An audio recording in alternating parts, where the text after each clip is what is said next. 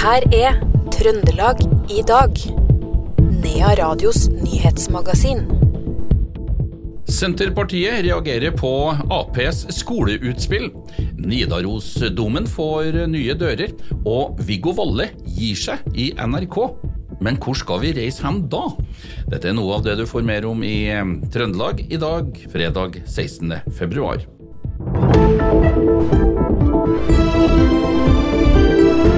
Thank you. Men vi starter i Trøndelag tingrett, der en trønder i 20-åra i dag ble fremstilt for varetektsfengsling. Han er sikta for flere alvorlige forhold, inkludert frihetsberøvelse, vold og voldtekt mot ei kvinne. Mannen som tidligere er dømt for mishandling av en tidligere samboer, ble etterlyst internasjonalt da han unndra seg soning etter en tidligere dom. Politiet fant han nylig i et europeisk land og brakte han tilbake til Norge i går. Politiet ønsker å varetektsfengsle mannen i fire uker, den første uka med brev- og besøkskontroll. Dette grunna fare for unndragelse og bevisforspillelse. Nylig var Arbeiderpartiets eh, nyvalgte fraksjonsleder for utdanning Emilie Gressli på besøk på Olevik videregående skole på Stjørdal. Der eh, hevder hun at eh, lærere og tillitsvalgte rundt musikk, dans og drama og frisørlinja på nytt frykter for jobbene sine. Gressli begrunner det med at MDG nå har skifta side, og dermed sørga for et borgerlig flertall på fylkestinget. En av de som reagerer kraftig på Gresslis uttalelser, er Ole Herman Sveian, som er gruppeleder for Senterpartiet på fylkestinget. Nei, jeg er jo ikke en mann som reagerer sånn kjempevoldsomt og blir sur, men det er klart at noen ganger så kjenner man jo at det er klart man må si fra. Og jeg syns det er litt sånn unødvendig retorikk av Gressle Arbeiderpartiet å fære rundt og skremme folk med at eh, nå når MDG har skifta side, så er det liksom sånn at alt det som blir vondt, eh, blir enda verre. Eh, vi har skrevet en avtale som er veldig god, syns jeg nå, en eh, plattform sammen med MDG, som vi skal styre Trøndelag trygt eh, imot de utfordringene som kommer i årene framover. Og høstens debatt viste oss vel at denne omstillinga i videregående skole som fylkesdirektøren la opp til, som var ganske omfattende og ganske stor, den er det jo ikke flertall i fylkestinget for å kjøre på i et sånn tempo og på en sånn måte som det fylkesdirektøren la opp til. På tross av at han da svarte ut faktisk en bestilling som var gjort av det gamle fylkestinget når han kom med denne omstillingsbiten. da. Så jeg syns at det er litt sånn For det viste seg jo det at forslagene til begge sidene, da, kan du si, de var jo ganske like når du gikk gjennom dem på tilbudsstruktur. Og så var jo Arbeiderpartiet ut veldig fort og sa at eh, sånn blir det. Og så det, ville vi bruke litt mer tid og gå gjennom det og ha en prosess, og prøvde å få til et, eh, et samla forslag på budsjett og tilbudsstruktur. og det det lyktes ikke vi med, men eh, nå har vi nå lyktes med å skrive en god avtale med MDG og skal styre Trøndelag trygt i årene som kommer, mener vi. Men i deres nye plattform, eh, versjon 2.0, som den fikk navnet, så er det ingen lovnader om at uh, musikk, dans og drama, frisør, blomster, interiør og design uh, blir redda? Nei, altså den plattformen skal jo gjelde for fire år. Og vi er jo nødt til Det har vært tradisjon for å gå gjennom denne tilbudsstrukturen hvert eneste år. Eh, men så ble det veldig svært og veldig omfattende, det som kom eh, nå i høst. Og det skapte jo både mye si, uro og, og, debatt og engasjement. Og da ser man jo hvor viktig dette her er mange plasser når det, det engasjementet skapes. Det sa gruppeleder for Senterpartiet på fylkestinget, Ole Herman Sveian. Han ble intervjua av Roar Vold Nordhaug. Det er rom for eh, betydelige lønnsøkninger i år. Det sier regionleder Kristian Tangen i LO Trøndelag til Trønderavisa. Om få dager så skal representantskapet i LO vedta lønnskravene i årets oppgjør. I fjor var oppgjøret rekordhøye 5,2% Det har vært høy lønnsomhet, spesielt i industrien i 2023, men en større del av verdiskapningen går til eierne, mens arbeidstakerne får mindre. Dette kan ikke fortsette. Vi krever vår rettmessige andel av verdiskapningen, sier Tangen til Trønderavisa. Arbeiderpartiets oppslutning stuper i Trondheim. Norstat har på oppdrag fra Adresseavisen og NRK gjort en partimåling i Trondheim 12. og 13. februar, altså etter årsmøtet i Trondheim Arbeiderparti. Partiet faller til 18,6% oppslutning, en nedgang på 5,5 prosentpoeng sammenlignet med valgresultatet i fjor høst. SV er partiet som øker mest i målingen, og har nå 16% oppslutning. Høyre går frem med 1,9 prosentpoeng til 31,5 1,1 og er da byens klart største parti. Undersøkelsen viser også at Trond Giske er en splittende figur i Trondheim Arbeiderparti. Undersøkelsen fra Norstat viser at 31% av de spurte sier det er mer sannsynlig at de vil stemme Arbeiderpartiet pga. Giske. Til sammenligning så er det da 28% som sier at det er mye eller litt mindre sannsynlig. Disse tallene gir et godt bilde av hvorfor det er så mye bråk og konflikt rundt Trond Giske. Det sier Tone Sofie Aglen, som er politisk kommentator i NRK. Giske er en polariserende politiker, men et overraskende høyt tall sier at det også ikke har noen betydning, sier Aglen til NRK. En mann i begynnelsen av 40-åra fra Trondheim er dømt til ett år i fengsel for nedlasting av grove overgrepsbilder. Da han ble pågrepet, fant politiet minst 21 000 bilder og over 2600 videoer, melder NRK. Tiltalte jobba som IT-konsulent og nekta først for at han hadde søkt bevisst etter overgrepsbilder. Men mannen erkjente straffskyld under rettssaken, det viser dommen fra Trøndelag tingrett.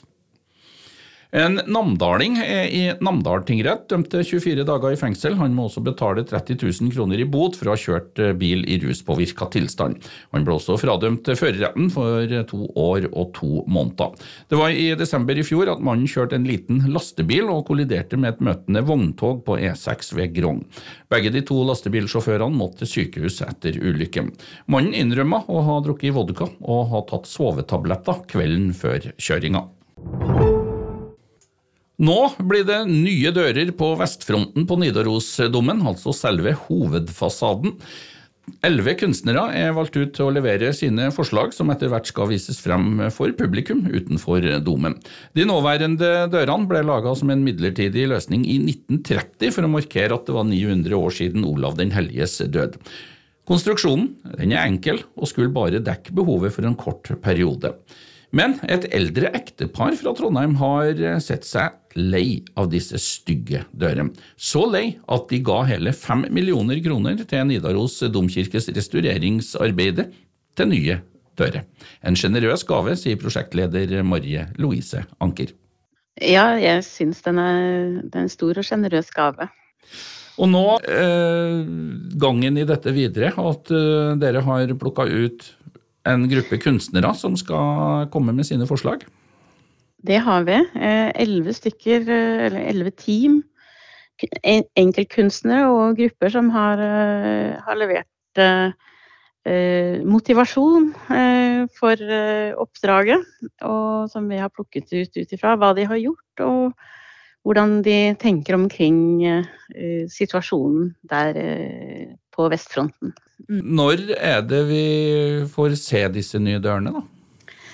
Eh, vi skal gjennomføre konkurransen først i to deler. Eh, så til sommeren så får vi se noen skisseutkast eh, fra de elleve konkurrerende som vi skal ha stilt ut på Vestfrontplassen i, i løpet av sommer, altså i sommer. Vi håper at vi har dørene i, i veggen sånn i, i 27-28 da bør vi ha dem i veggen. Men dette er også en del av eh, det vi ser på som et 2030, eh, altså nasjonaljubileumsprosjekt. Da. da skal kirka framstå som eh, i sin flotteste skrud. Det sa Marie Louise Anker, som er prosjektleder i Nidaros domkirkes restaureringsarbeider. Statens vegvesen har brukt fire år på å etterkomme kritikken fra Statens havarikommisjon etter at to personer omkom da to vogntog kolliderte på E6 i Snåsa i 2020.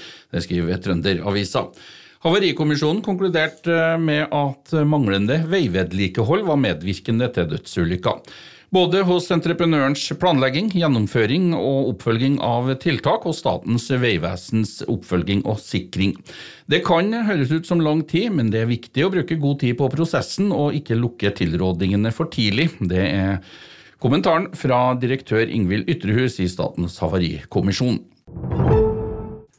I dag kom nyheten om at årets påskelabyrint blir den siste fra Viggo Valles hånd. Han fyller 70 år i juli og må dermed gå av med pensjon i NRK. Og dermed så blir årets utgave av Påskelabyrinten på P1 Valles siste. Han har leda det tradisjonsrike programmet siden starten i 1986. Jeg kan jo si at programmet er på mange måter en anakronisme. For det er et 80-tallsprogram, og det bærer det preg av den dag i dag. Det er gammeldags i formen, og det er en gammel eh, kjenningsmelodi. Og det, vi har hatt Kari Spers Polska, som har gått gjennom det som en rød tråd i alle de år. Og vi har korrespondenter med som henter det når du reiser feil og sånn. Så i det hele tatt, det er ganske gammeldags. Og ganske uforståelig både for meg og for alle de som eh, mener de forstår seg på ting, at det har overlevd i snart 40 år. Mange er jo spent nå. Jeg må jo spørre, hva skjer med påskelabyrinten når Viggo Valle tar med seg eh, snippsakene sine og, og, går ut av eh, NRK Tyholt?